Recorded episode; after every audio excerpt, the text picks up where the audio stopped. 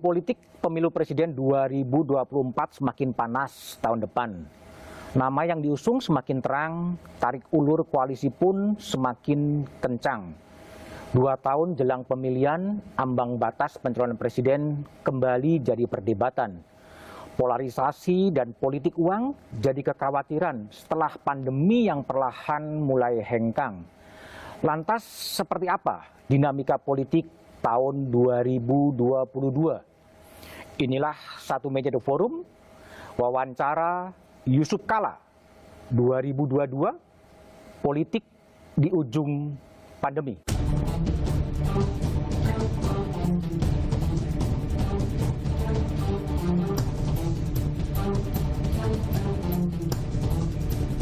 untuk presiden threshold itu adalah 0%. Kenapa kalau kalau per, uh, pilpres sama pemilu legislatif itu bersamaan, maka uh, logikanya itu adalah uh, presiden threshold itu adalah 0%.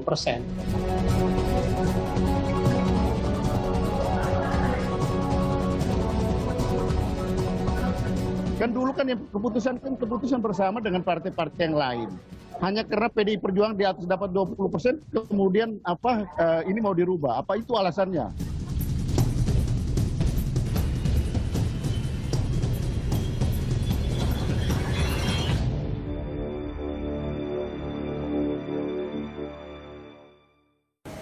Selamat malam Pak JK. Selamat malam.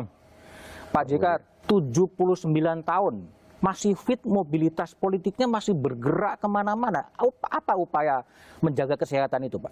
Oh, ya pertama kita menikmati. Menikmati? Menikmati kunjungan ke mana-mana, lihat ketemu teman-teman. Hmm.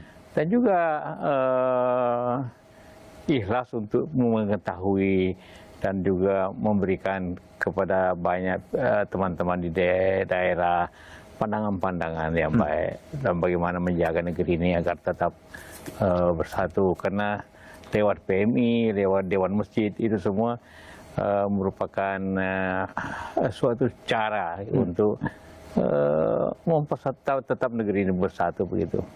Itu beban sebagai ketua DMI, ketua PMI di usia 79 tahun, Bapak gimana membagi ruang untuk aktivitas di dunia sosial dengan kesehatan Bapak sendiri?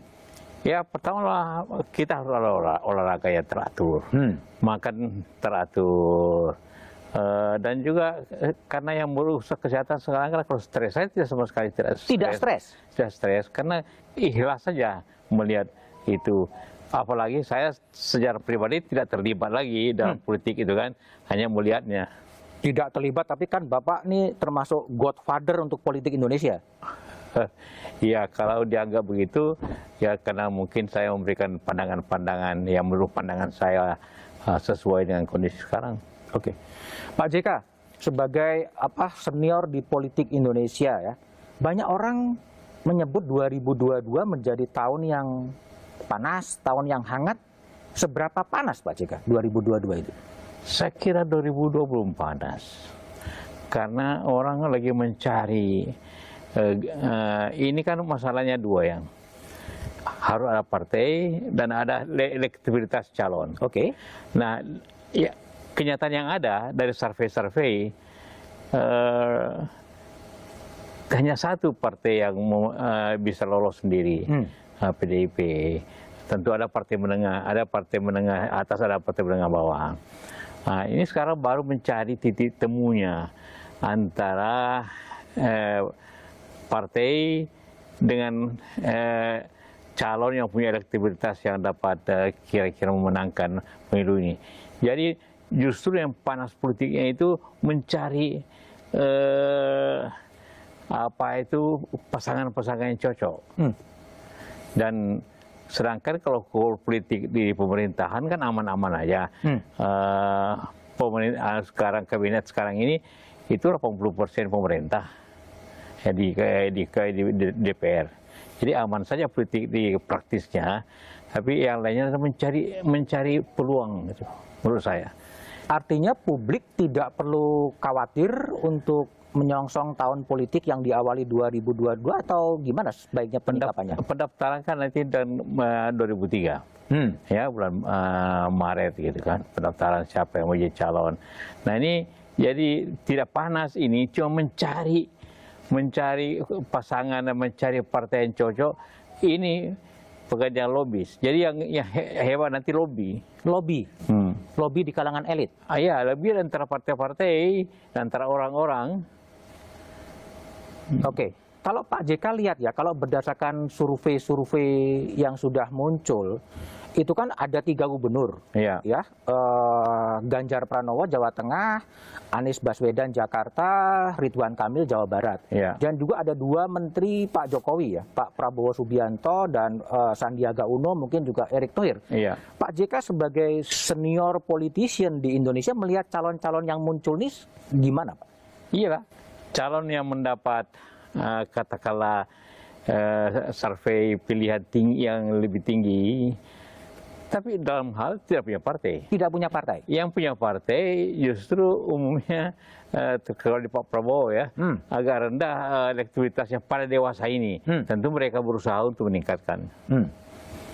Jadi sebaiknya gimana Pak? Elit itu mendengar suara-suara survei atau tetap elit politik ya apa eh, sesuai dengan otoritas yang dimiliki?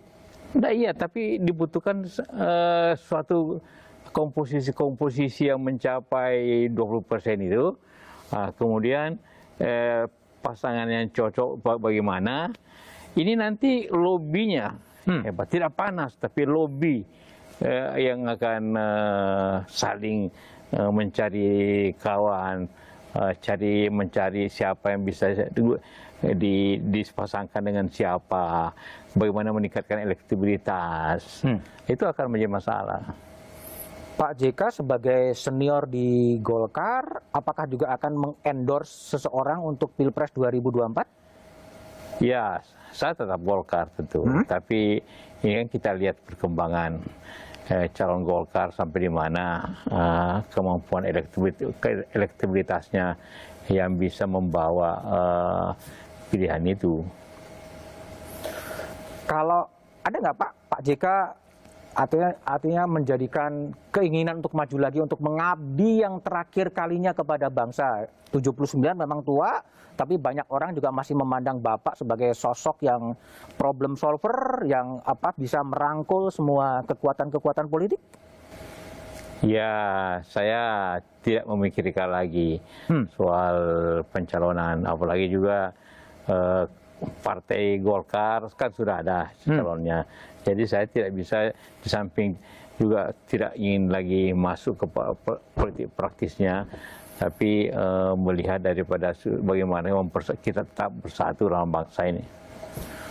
Memang Golkar punya ketua umum, tapi kalau mengacu kepada hasil survei, Pak Erlangga masih belum cukup mengangkat. Iya, betul, betul.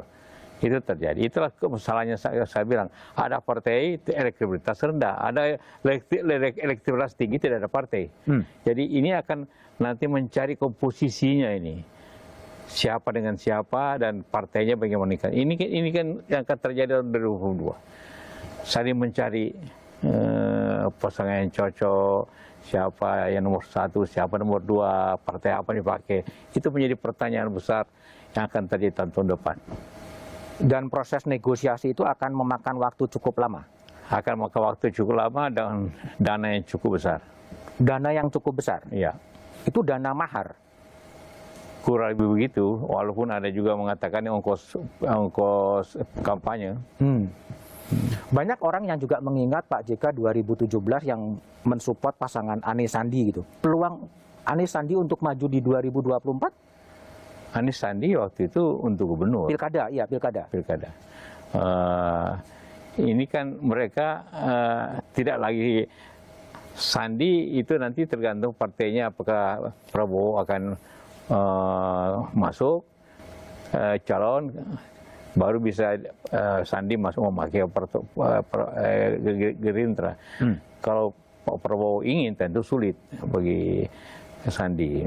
Nah, kalau eh, Anies ya tentu mencari partai yang bisa mendukung. lagi saling mencari ini, saling mencari antara partai dan orang kepada partai. Hmm. Hmm. Apa yang salah kalau dari refleksinya Pak JK, orang-orang yang memang punya elektabilitas tinggi tapi tidak menjadi pemilik dari partai, sementara ketua-ketua umum partai politik yang memang punya uh, suara penuh terkontrol, elektabilitasnya rendah. Apakah ini bentuk apa? Kekurang berhasilan partai politik untuk mencetak pemimpin atau gimana Pak JK? Itu bisa terjadi seperti itu. Uh, karena memang banyak pergolakan-pergolakan di partai seperti di Golkar berapa kali terjadi pergolakan kan di P3 terjadi di PAN terjadi di PKS terjadi uh, jadi akhirnya uh, calon-calon yang baik itu mungkin uh, tidak bisa masuk karena ada adanya konflik-konflik uh, antar partai internal partai itu juga karena memang apa ya batas ambang batas untuk pencalonan presidennya memang terlalu berat. Iya, termasuk itu 20 persen itu untuk memperdemokrasi yang lebih uh, jernih itu agak agak sulit kalau terlalu tinggi. Nah, terlalu tinggi, nah akibatnya sekarang ini terlalu hmm. tinggi. Uh, jadi calon-calon yang punya uh, kesempatan atau elektoral tinggi tapi tidak punya partai. Nah, tapi sebaliknya gitu. Itu disebabkan karena uh, thresholdnya terlalu tinggi. Jadi mungkin kalau zaman saya waktu 2004 ya. itu hanya 4 persen. 4 persen? 4 persen, 5 calon. Hmm. Dan kami yang terpilih. Ini kan uh, pekerjaan kita cukup baik kan.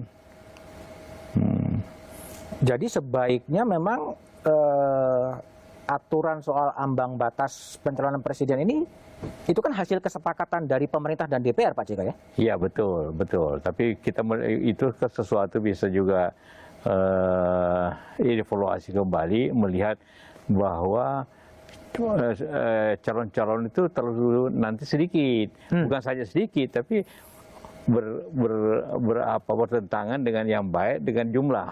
Hmm. Hmm. Sebaiknya berapa banyak Pak untuk apa bangsa Indonesia yang penduduknya hampir 260 juta gitu. Tapi calon presidennya kalau dengan sistem threshold yang ada sekarang kan maksimal 4 tuh atau malah 3, tiga bisa juga 2 gitu. Kalau menurut Pak JK ini saatnya berapa pasang yang harus muncul? Ya pengalaman kita kalau bisa muncul 4 5 tidak ada soal. Tapi tentu untuk itu harus dua kali. Second round ya? Second round.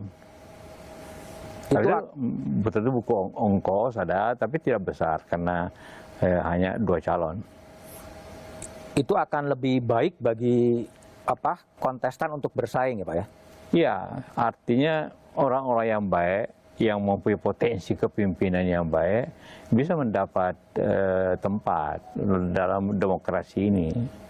Kalau ini maka ditentukan oleh partai-partai uh, quote on quote yang uh, menguasai uh, parlemen.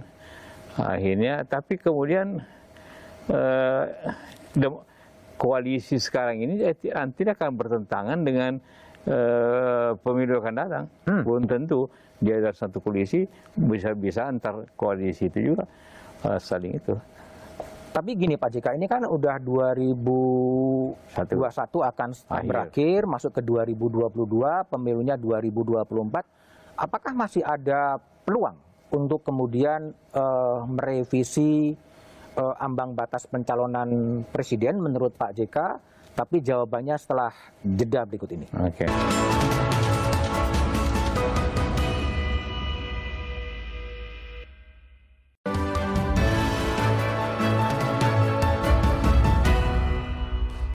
Pak JK, ya. ini kan ya uh, masih adakah peluang ya ambang batas pencalonan presiden itu di tingkat elit kemudian direvisi sehingga memunculkan lebih banyak calon sehingga pemilih-pemilih pun lebih banyak uh, pilihan.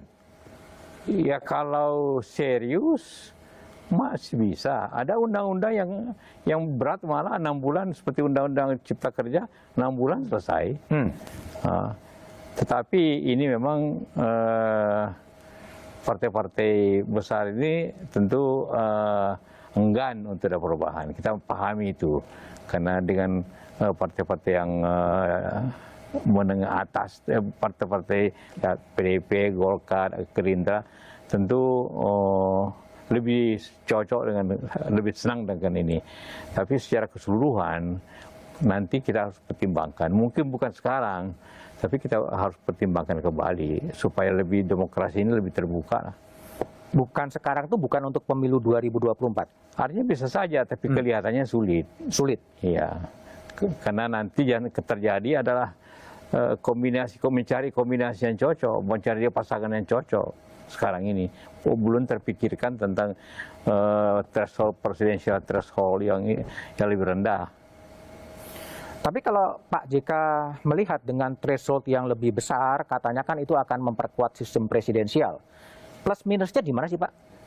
Betul, tetapi seperti apa yang kejadiannya sekarang ini, yang potensial secara kenegaraan, secara masyarakat, penglihatan masyarakat, hampir semua tidak punya kemampu, tidak punya partai. Hmm. Ya, jadi mereka harus menjadi eh, partai yang cocok, mencari pasangan yang cocok, dan mungkin juga berkolaborasi atau berpasangan dengan partai-partai eh, eh, calon partai besar. Artinya dengan threshold yang ada sekarang memang lebih banyak menguntungkan kepada partai-partai besar ya. Iya, iya, iya pasti. Dan memang eh, dia tidak lebih ingin ingin mengontrol siapa kontestan-kontestan yang akan muncul. Iya, mestinya bukan hanya jumlahnya, tapi juga kualitasnya kan. Kualitasnya. Ya, kalau lebih banyak, lebih eh, ada kemungkinan mencari ku- kualitas yang lebih baik. Hmm. Tapi kalau sekarang kan juga selain proses politik di DPR, ada kan juga sebenarnya gugatan melalui Mahkamah Konstitusi yang diajukan oleh mantan Panglima TNI Gatot Nurmantio yang menggugat pasal soal 25 dan 20. Adakah harapan eh, MK bisa apa menyatakan seperti Undang-Undang Cipta Kerja bahwa ini pasal itu harus direvisi? Kalau menurut seorang eh, Yusuf Kala sebagai politisi senior, Ya, ada saja kemungkinannya. Hmm? Walaupun sudah berapa kali 13 13 kali di di itu dibawa ke MK itu selalu gagal. Eh, Saya tidak tahu alasan apa yang di- dikemukakan oleh Pak eh, Gatot ini eh, sehingga eh, menjadi meng- mengajukan lagi kepada MK. kalau Pak JK melihat satu pasal diuji sampai 13 kali, Ya. ya 13 kali bahkan dengan Pak Gatot nanti 14 kali akan diuji. Jumlah uji materi ini dimaknai sebagai apa, Pak? Begini, MK kan itu menguji undang-undang de- dengan undang-undang dasar. Jadi kebetulan di Undang-Undang Dasar tidak ada Batasan. pasal ya kata-kata yang mengatakan adanya threshold itu. Hmm. Tidak ada batasannya, hanya partai atau gabungan partai. Ya. Hanya begitu bunyinya di Undang-Undang Dasar itu yang bisa mencalonkan ke presiden untuk presiden, partai atau gabungan partai. Tidak ada angka di situ. Jadi eh, tinggal apa alasannya? Tinggal menurut saya tinggal eh, bagaimana eh, partai itu eh, mena- menanggapinya. Karena seperti dikatakan sekarang bukan hanya eh, partai-partai besar juga mengalami masalah kan eh, dengan dengan tadi itu. Eh, tapi lebih masalah lagi par- ya, orang partai-partai yang survei yang tinggi tapi tidak punya partai. Hmm. Jadi eh, bagaimana mencari 20 apa, jalan keluar daripada kondisi inilah yang tentunya salah satu caranya yang memberikan peluang kepada eh, banyak pihak, banyak orang itu bukan banyak orang banyak sejumlah yang lebih baik katakanlah eh, lima calon itu kan pasti di situ ada calon-calon yang eh, sudah terpilih. Ya, jadi eh, masih berharap pada Mahkamah Konstitusi untuk ya menilai kembali ya pasal yang di teks konstitusi kan partai politik dan gabungan partai politik tanpa syarat ya. Ya, Ya meskipun sudah 13 kali kemudian Mahkamah Konstitusi mengatakan itu open legal policy terserah kepada pemerintah dan DPR gitu. iya, iya betul. Tapi bukankah pada era Pak JK sebagai dulu wakil presiden juga mengintroduce presidensial threshold ini Pak? 4 persen. 4 persen. Iya waktu itu. Oke. Sekarang menjadi 20, dan 25. Itu Iya. pertimbangannya Bapak mengikuti? Eh, pertimbangannya memang ada dua cara berpikir. Cara berpikir pertama bahwa agar terjadi suatu koalisi partai yang kuat sejak awal, Hmm. sehingga tinggi dia punya eh, threshold. Pikiran yang kedua adalah bagaimana memberikan kesempatan lebih banyak kepada orang-orang yang eh, katakanlah mampu secara eh, elektabilitas baik, tapi tidak punya partai. Jadi dua alasan ini yang eh, yang membedakan yang sehingga ada terjadi perbedaan. Tapi kalau kemudian terjadi 25 dan kemudian menjadi dua pasang itu gimana ceritanya Pak sebenarnya? Iya, kalau terjadi eh, dua, maksudnya Ini kan dari thresholdnya menjadi 20 persen dan 25 persen kan? ya Dan pengalaman kemarin kan tinggal dua pasang head on waktu Bapak juga Oh, Pak Jokowi oke. JK kan menjadi dua itu. syaratnya kan untuk terpilih harus di, di atas 50 persen. Hmm. 50 persen tambah satu kan, begitu kan. Kalau lima belum tentu ada yang bisa mencapai 25 per, 50 persen. Berbeda dengan pilkada. Kalau pilkada asal melewati 30 persen, oke. Eh, kalau eh, kalau eh, pilpres harus di, di, atas 50 persen. Nah, jadi eh, ya, bagaimana mencapai ini? Jadi kalau dua, dua calon jelas pasti 50 persen. Kalau lima mungkin semua di, di bawah 50 persen. Itu bedanya. Hmm. Tapi memang akan kalau dalam perspektif Pak JK memang akan lebih banyak lima calon orang akan lebih banyak punya pilihan ya. Ya. Tapi mungkin nggak Pak yang muncul malah satu calon nanti? Karena penguasaan politiknya begitu begitu dominan gitu. Secara teoritis ya sama dengan pilkada. Tapi saya kira ini tidak. Karena semua mempunyai kepentingan untuk eh, tidak mendukung satu sama lain. Tapi mempunyai, mempunyai eh, dukungan sendiri dengan partai-partai dengan gabungan partai. Oke, ini juga ada satu hal yang menjadi ketidakpastian Pak soal eh, yang diusulkan oleh Ketua MPR Bambang Susatyo yang kemudian akan mengubah mengamandemen konstitusi untuk memasukkan eh, garis-garis besar haluan negara. Ini momentumnya tepat sekarang? Ini ini kan perubahan eh, amandemen undang-undang dasar itu mempunyai suatu perubahan yang- fundamental yaitu bahwa presiden itu yang mengajukan programnya untuk dipilih oleh rakyat. Pada waktu itu adanya amandemen eh, adanya GBHN itu pada waktu itu presiden dipilih di MPR. Jadi MPR sudah menyiapkan ini ke Anda harus kerjakan.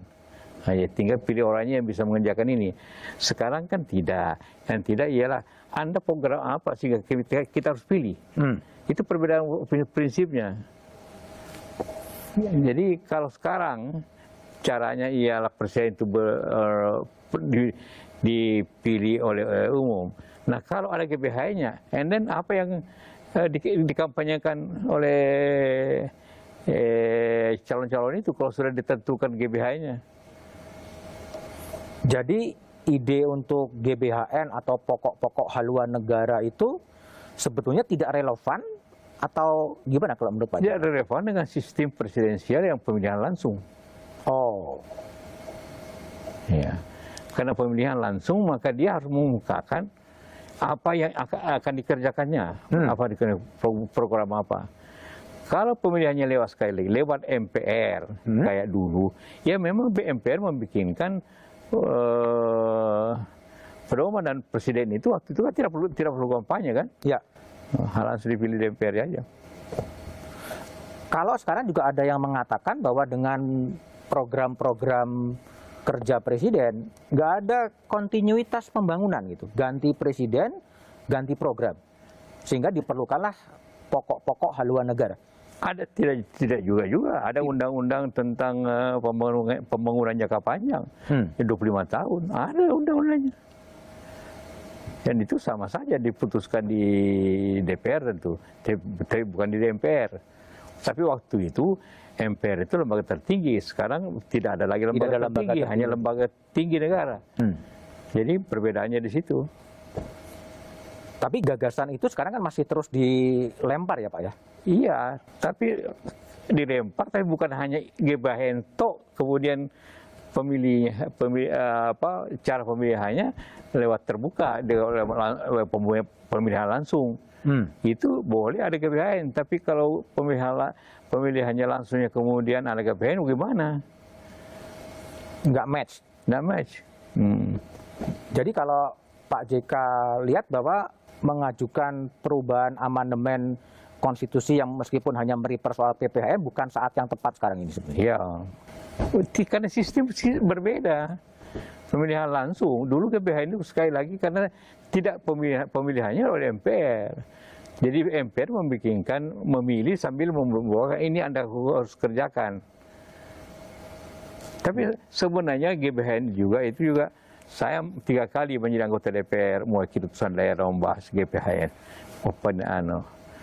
Uh, tidak juga menjadi bahagian daripada uh, karena sangat uh, longgar GPHN itu.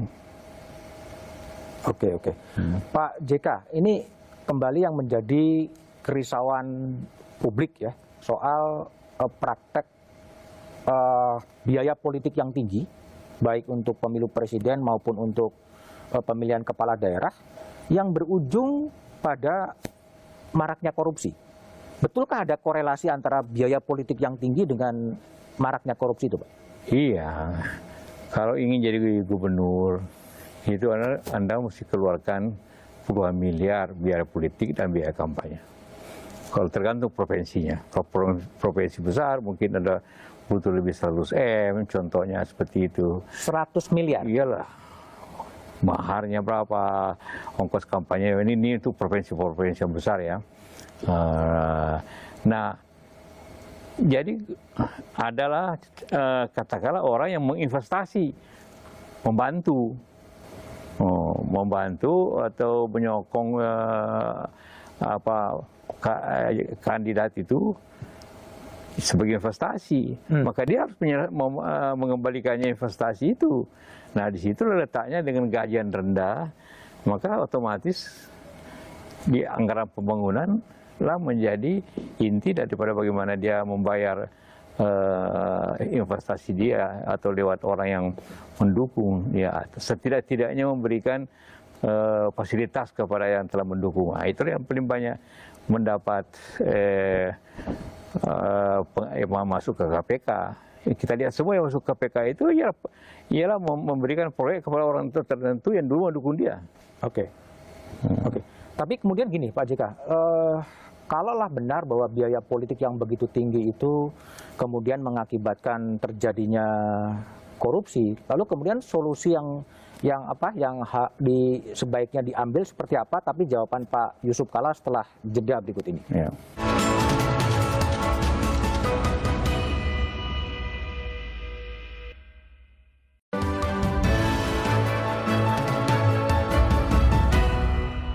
saya masih bersama dengan Yusuf Kala.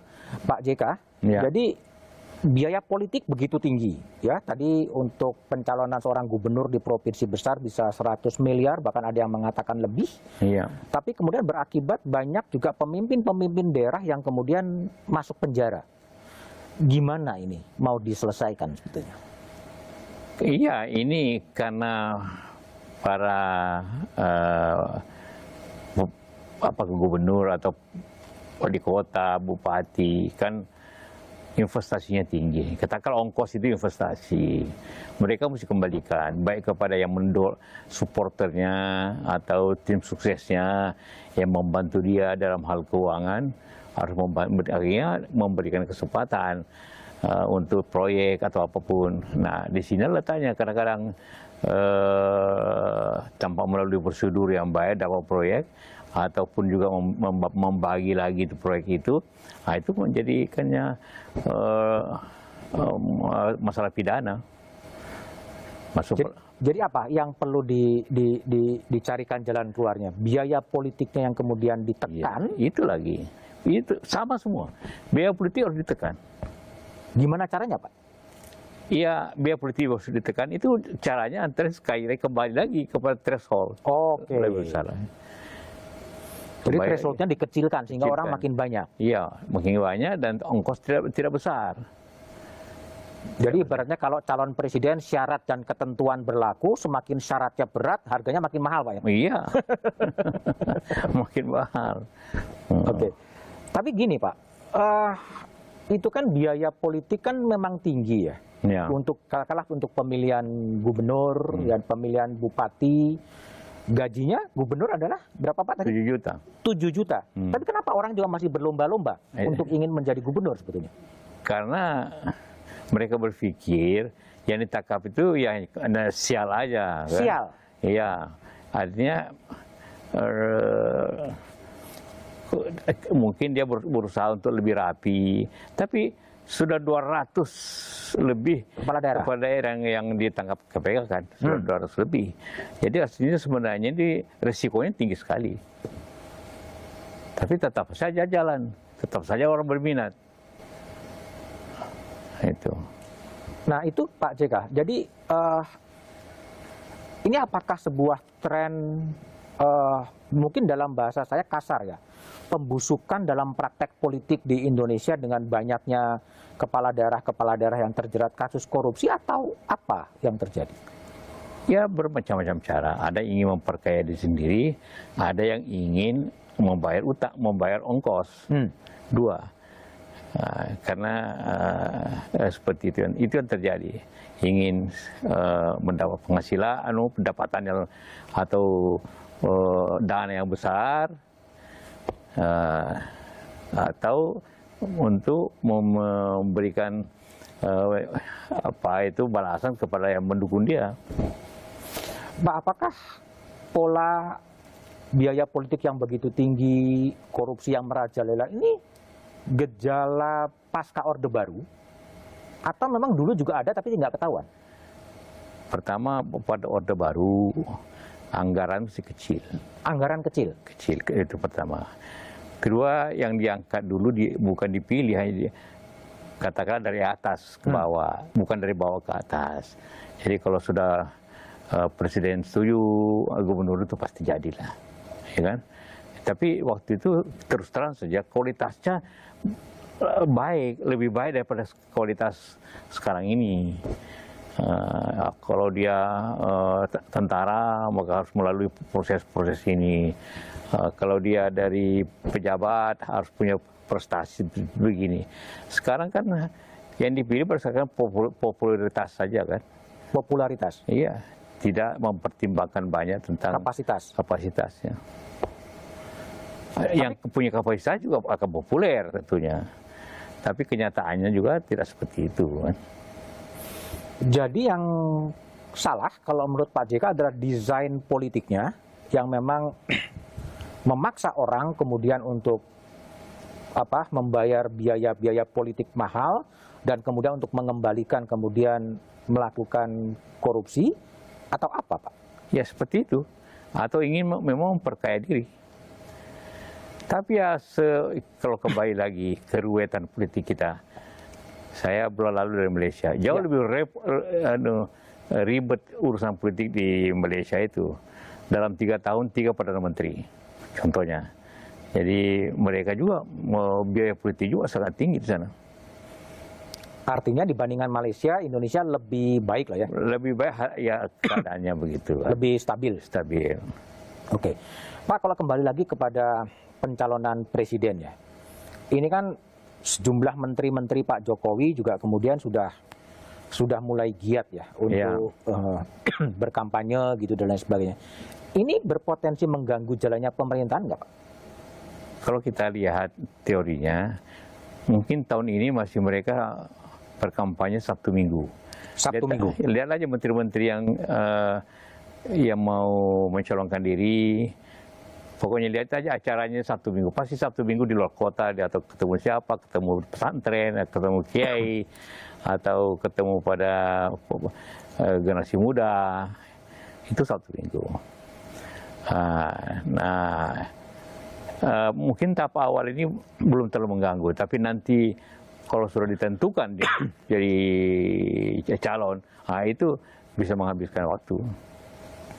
Artinya situasi ini dibiarkan saja sejauh tidak mengganggu jalannya pemerintahan? Karena tidak ada yang salah selama dia kampanye Sabtu Minggu tidak ada yang salah. Dan juga belum masa kampanye. Belum masa kampanye, belum belum berlaku undang-undang kampanye. Jadi asal kemudian tidak mengganggu jalannya pemerintahan. Iya, bahwa terjadi penurunan kegiatan pemerintahan ya pasti pasti terjadi, pasti terjadi. Tapi nanti ketika kemudian sudah memasuki tahap kampanye yang resmi, memang harus ada ya sesuai gas sudah berlaku undang-undang. Uh, itu tidak boleh begini, tidak boleh banyak itu tidak bolehnya, ya kan? Dan harus uh, minta izin, harus tidak boleh pada hari kerja, uh, tidak boleh bicara di di masjid atau di rumah ibadah. Kalau sekarang bebas-bebas saja. Kalau dalam pemilihan presiden 2024, Presiden Jokowi tentunya masih punya punya faktor dominan ya untuk kemudian uh, mengendorse atau kemudian mendukung salah satu calon? Pasti pasti bisa sebagai uh, presiden yang berkuasa tentu punya tapi tidak boleh berlebihan juga tidak boleh kan saya dukung ini tidak hmm. boleh juga dia tidak akan melakukan itu tapi melakukan bahwa uh, simpati kepada pilihan-pilihan yang menurut dia uh, beliau baik pasti terjadi itu tapi tidak akan uh, berkampanye secara vulgar begitu karena kan kebutuhan dari Presiden Jokowi kan bagaimana kemudian program-program pembangunan yang sedang berjalan atau yang sedang direncanakan uh, dijamin kelangsungannya? Iya, pasti itu. Tapi sebenarnya itu uh, dari Presiden uh, eh, SBY ke SBY, uh, Jokowi sampai tidak jauh beda sebenarnya. Tidak jauh beda? Karena uh, Presiden SBY programnya itu konektivitas, hmm. connectivity. Hmm. Sebenarnya itu juga infrastruktur. Cuma sekarang Pak Jokowi langsung infrastruktur. Dulu namanya connectivity. Sebenarnya menghubungkan uh, uh, pulau dengan pulau yang lain, menghubungkan kabupaten dengan kota, itu konektivitas. Itu okay. intinya. Uh, tapi kan ini ada satu program yang mungkin uh, tidak akan selesai di era Pak Jokowi soal ibu kota negara. Itu kan butuh pembangunan yang cukup lama, tidak mungkin tiga tahun akan selesai. Bukankah ini juga membutuhkan dukungan dari siapa pun yang akan menggantikan presiden, punya komitmen untuk ibu kota negara, Pak? Itu pertanyaan juga tentu. Karena memang saya uh, sependapat bahwa itu butuh waktu yang lama. Butuh waktu lama? Uh, karena lebih kira-kira setengah juta orang harus pindah. Hmm. Kalau mau pemerintahnya betul-betul pindah. Tapi pindahnya uh, ibu kota itu juga akan mendorong percepatan otonomi okay. yang lebih baik. Karena kalau tidak ada tidak otonomi yang lebih baik, katakanlah gini, mau izin uh, usaha, mau tambang atau apa, sekarang kan harus ke menteri, izin kementerian. Nah kalau pindah ke ke Kalimantan, uh, itu kan lebih mahal ongkosnya ke sana lagi. Jadi mungkin izinnya gubernur lebih berkuasa. Jadi kalau pindah nanti maka otonomi yang lebih luas akan terjadi. Bisa mendekati federal. federal. Negara federal. Karena memang e, ibu kota yang pindah itu umumnya federal, negara federal. Tapi sebetulnya perlu nggak sih Pak untuk apa? E, sekarang kan RUU ibu kota negara sedang dibahas di parlemen ya bahkan dalam draft RU itu mengatakan pada semester pertama 2024 semua kantor-kantor pemerintah itu sudah berpindah ke Penajam. Saya kira saya kira ide yang baik tapi tidak mudah dilaksanakan. Tidak mudah dilaksanakan. Dalam, dalam kondisi sekarang apalagi dalam kondisi sekarang ini di mana keuangan negara kan eh, tersedot, tersedot banyak. Dan dan juga apa DPR uh, akan memberikan anggaran yang besar untuk sesuatu. Kan juga Pak Jokowi sudah menjelaskan tentang banyaknya negara lain yang ingin investasi. Itu suatu harapan yang bagus kalau bisa terjadi. Sudah terjadi ya artinya. Hmm. Jadi uh, undang-undangnya tetap dibahas saja secara uh, politik, tapi proses pembangunannya akan membutuhkan waktu yang masih agak lama. Puluhan tahun. Puluhan tahun. Tapi juga ada satu juga soal Pak, artinya kan begini, uh, kalau kita berbicara soal pemilu 2024 ya, sampai sekarang kan KPU juga belum berhasil menetapkan kapan pemilunya. Ada perbedaan pandangan antara KPU yang menginginkan Februari dan pemerintah yang menginginkan pada bulan Mei. Mei. Mei. Nah, kalau Pak JK ini menghadapi apa eh, pendapat yang berbeda antara KPU dan pemerintah seperti apa, tapi jawaban Pak JK setelah jeda berikut ini.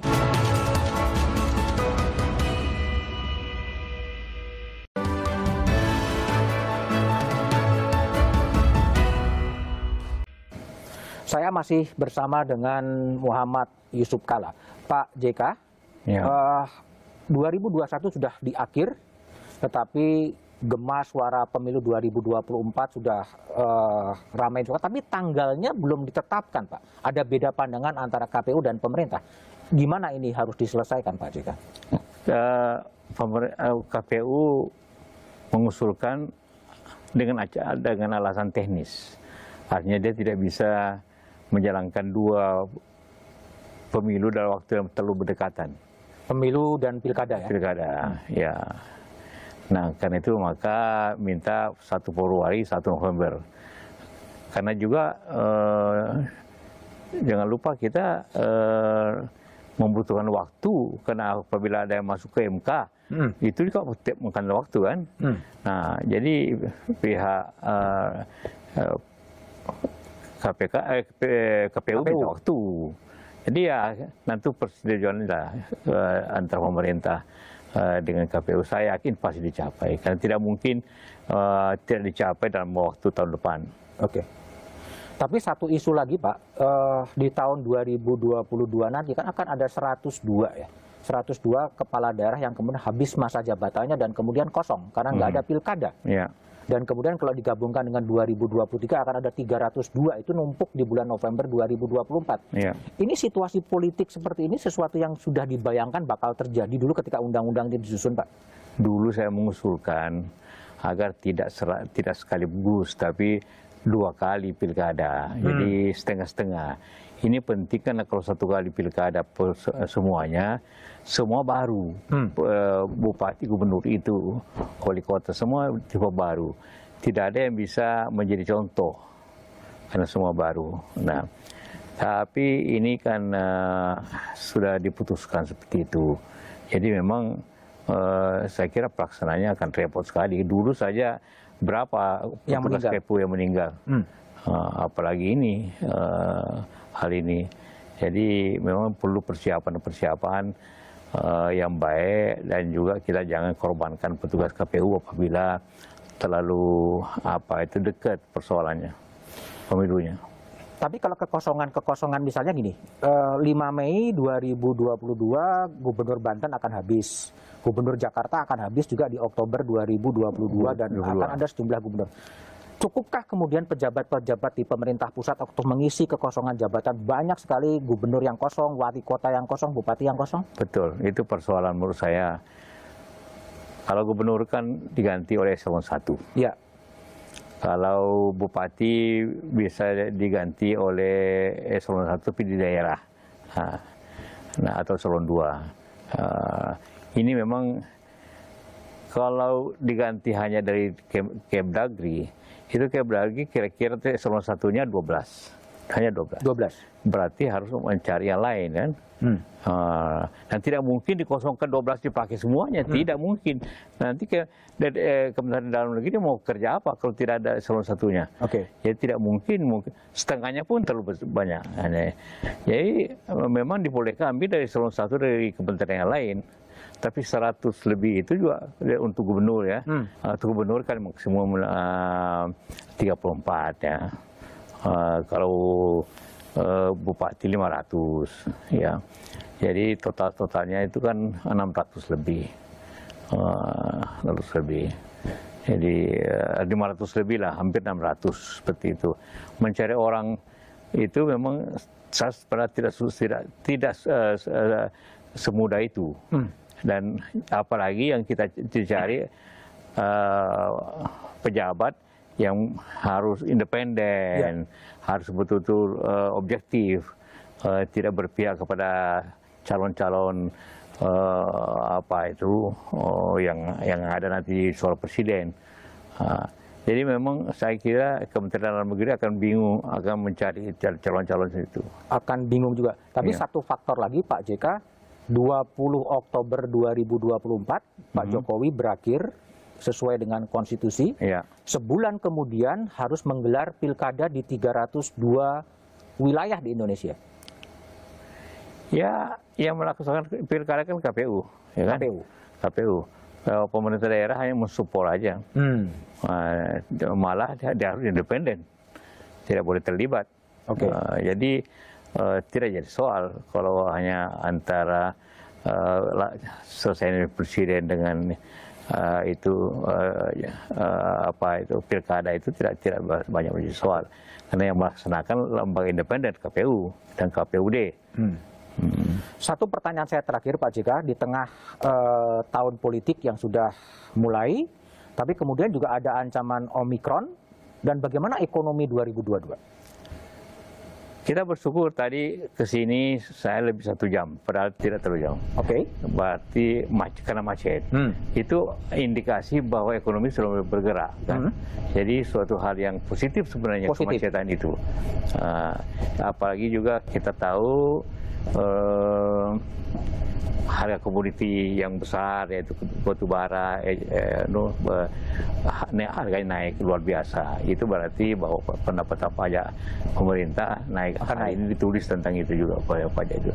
Jadi ada harapan lah ekonomi bergerak pada tahun yang kena, eh, tahun depan yang eh, ke depan ini. Oke, Ah. jadi harapan tetap akan datang di tahun 2022 ya. 2024. Ada harapan tetap ada. Oke, baik Pak JK, terima kasih telah bergabung di satu meja. Makasih Pak Terima JK. kasih, terima kasih, Budi. Tahun kecemasan 2021 segera kita tinggalkan. Fajar 2022 yang bakal jadi tahapan awal tahun politik kita songsong dengan penuh harapan. Persaingan politik 2024 jangan sampai membuat bangsa ini kehilangan fokus.